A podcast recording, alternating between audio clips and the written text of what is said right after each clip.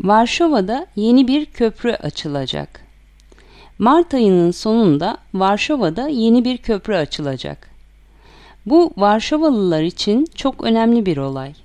Çünkü Varşova ortasından geçen Visla Nehri yüzünden iki parçaya bölünür. Sabahları Varşova'nın doğusundan batıya ulaşmak çok zor ve köprülerde trafik tıkanıyor. Şimdilik Varşova'da yedi köprü var ama onlar yeterli değil. Bu nedenle daha fazla köprü kurulmasına karar verildi. Yeni köprüden arabalar, tramvaylar, bisikletler ve yayalar geçebilecek.